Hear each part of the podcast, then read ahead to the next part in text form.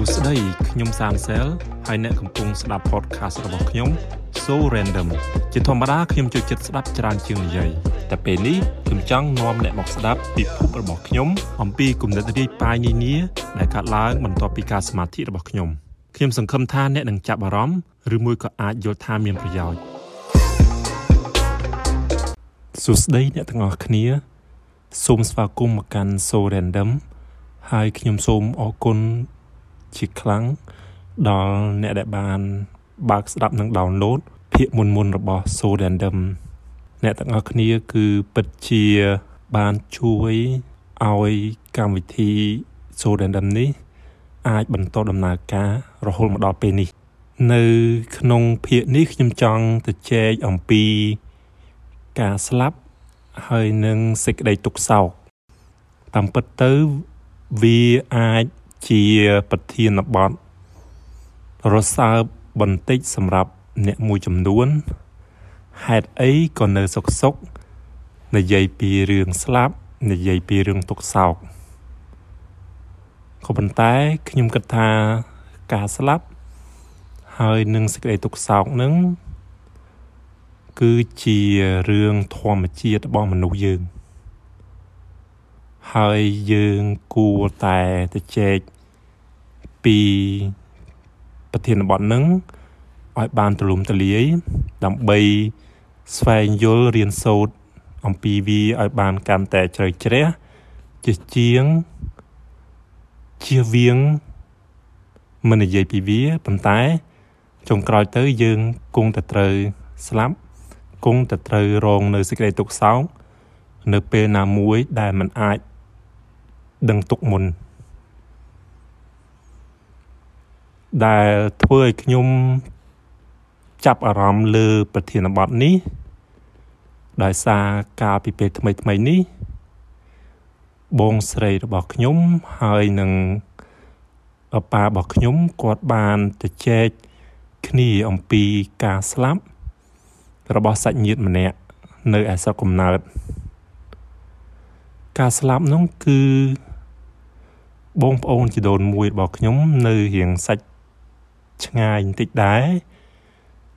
គាត់ជាកសិករនៅថ្ងៃមួយពេលគាត់កំពុងភ្ជួរស្រែដោយប្រើគោយន្តនឹងមេឃក្តៅខ្លាំងហើយប្រពន្ធគាត់នឹងទៅទិញកាហ្វេសម្រាប់ឲ្យគាត់ ប៉ុន្តែពេលដែលព្យួរព្យួរនឹងគោយន្តនឹងវាបើយើងនិយាយភាសាសាមញ្ញថាបែកថ្នាំវាវាអែរើវាខូចបញ្ហាអីមួយ ហើយក៏កធាក់យកបងប្អូនចំនួនមួយខ្ញុំនឹងទៅជាមួយហើយក៏វត្តទៅដល់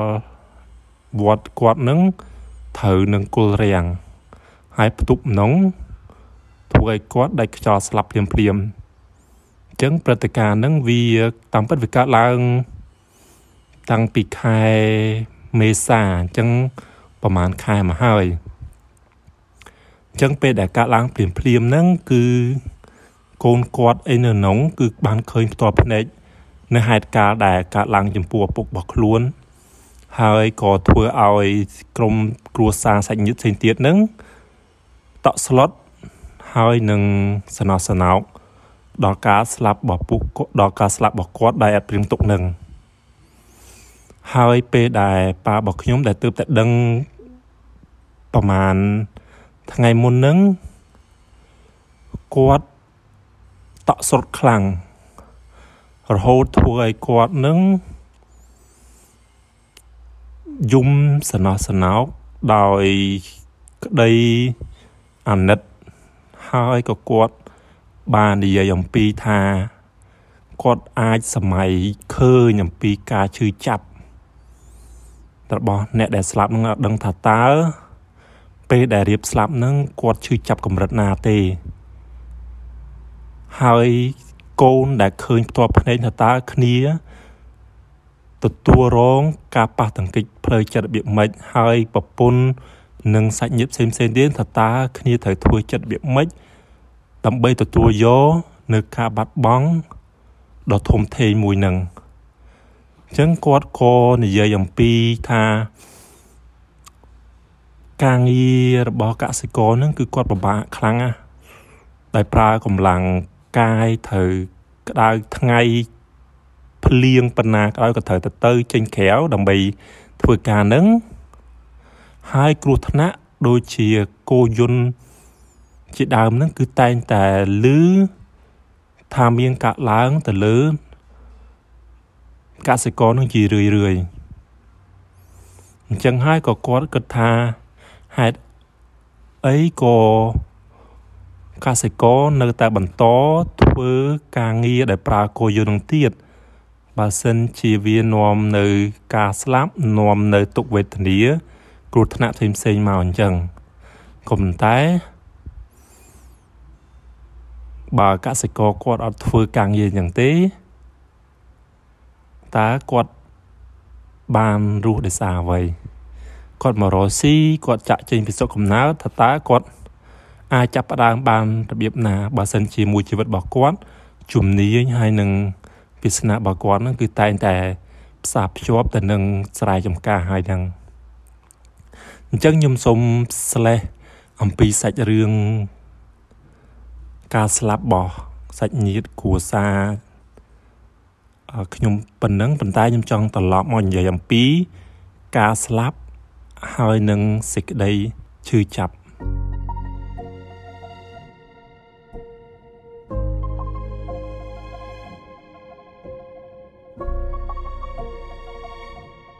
បើយើងមើលតាមច្បាប់ធម្មជាតិហ្នឹងគឺកើតចាស់ឈឺស្លាប់ជារឿងធម្មតារបស់ជីវិតកាលពីតូចខ្ញុំភ័យខ្លាចមែនតើនៅពេលដែលមានមនុស្សស្លាប់ដោយសារតែមានរឿងរ៉ាវជាច្រើនដែលគេនិទានអំពីមនុស្សស្លាប់ថាវិញ្ញាណព្រលឹងគាត់នឹងអាចនឹងមកលងអាចនឹងបំលាតយើង អាចនឹងនាំរឿងរ៉ាវអាក្រក់មកដល់ហើយខ្ញុំក៏ភ័យខ្លាចអំពីការស្លាប់របស់អ្នកដែលចិត្តដិតម្ដាយឪពុកឬក៏សាច់ញាតិបងប្អូនដែលចិត្តដិតខ្លាំងអញ្ចឹងខ្ញុំអត់ចង់សម័យអំពីការបាត់បង់របស់ពួកគាត់ទេខ្ញុំគិតថាការស្លាប់នឹងគឺគឺខូខើគឺធ្វើឲ្យ មានការបែកបាក់ធ្វើឲ្យក្រំគ្រាអញ្ចឹងភាគច្រើនខ្ញុំមកបាន សិក្សាស្វែងយល់បន្ថែមអំពីថាត្រូវធ្វើម៉េចនៅពេលដែលមានការស្លាប់តែធ្វើម៉េចដើម្បីរំដោះខ្លួន ពីសេចក្តីសោកសង្រេងដោយសារការស្លាប់របស់អ្នកណាម្នាក់ដែលខ្ញុំមានទំនាក់ទំនងចិត្តដិតខ្ញុំមិនដែលបានសួរចាស់ចាស់ឬក៏បងបងអីណានៃដែល ឲ្យគាត់បញ្យល់អំពីការស្លាប់ប៉ុន្តែអ្វីដែលខ្ញុំសង្កេតឃើញហ្នឹងចាស់ចាស់យើងភាគច្រើនហ្នឹងខ្ញុំមានអារម្មណ៍ខ្ញុំមិនដឹងថាខាងក្នុងចិត្តគាត់របៀបម៉េចទេណាប៉ុន្តែតាមរយៈអារម្មណ៍គាត់តាមរយៈការបញ្ចេញខាងក្រៅមកហ្នឹងគឺគាត់តែងតែលួងលោមដល់សមាជិកគ្រួសារដល់កូនចៅរបស់ សាក់សព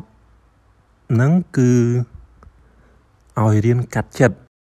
គាត់តែងតែលើកយកធម៌ព្រះពុទ្ធនឹងមកព្រានបដាយថាអ្នកដែលទៅនឹងបានសេចក្តីសុខហើយយើងនៅនឹងនៅបន្តរស់ស៊ីបន្តរងទុកនឹងខ្ញុំគិតថាការលើកឡើងមកបែបហ្នឹងក៏វាអាចជួយបន្ធូរអារម្មណ៍បន្ធូរបន្ទុក ទម្ងន់ទុកសោកអ្នកដែលកំពុងតែកាន់ទុកនឹងបានខ្លះដែរខ្ញុំគិតថាការស្លាប់គឺជារឿងដែលមិនអាចជៀសផុតបានយើងគួរតែទៅចែកឲ្យបានស៊ីជម្រៅអំពីអត្តន័យនៃការស្លាប់ថាតើការស្លាប់ទៅនឹងវាជាអ្វី បើសិនជាតាមបែបវិទ្យាសាស្ត្រហ្នឹងវាគឺការបែកខ្ញែករាងកាយយើងបេះដូងយើងលែងដើរដង្ហើមលេងដកចលនាបេះដូងលេងរត់វាជា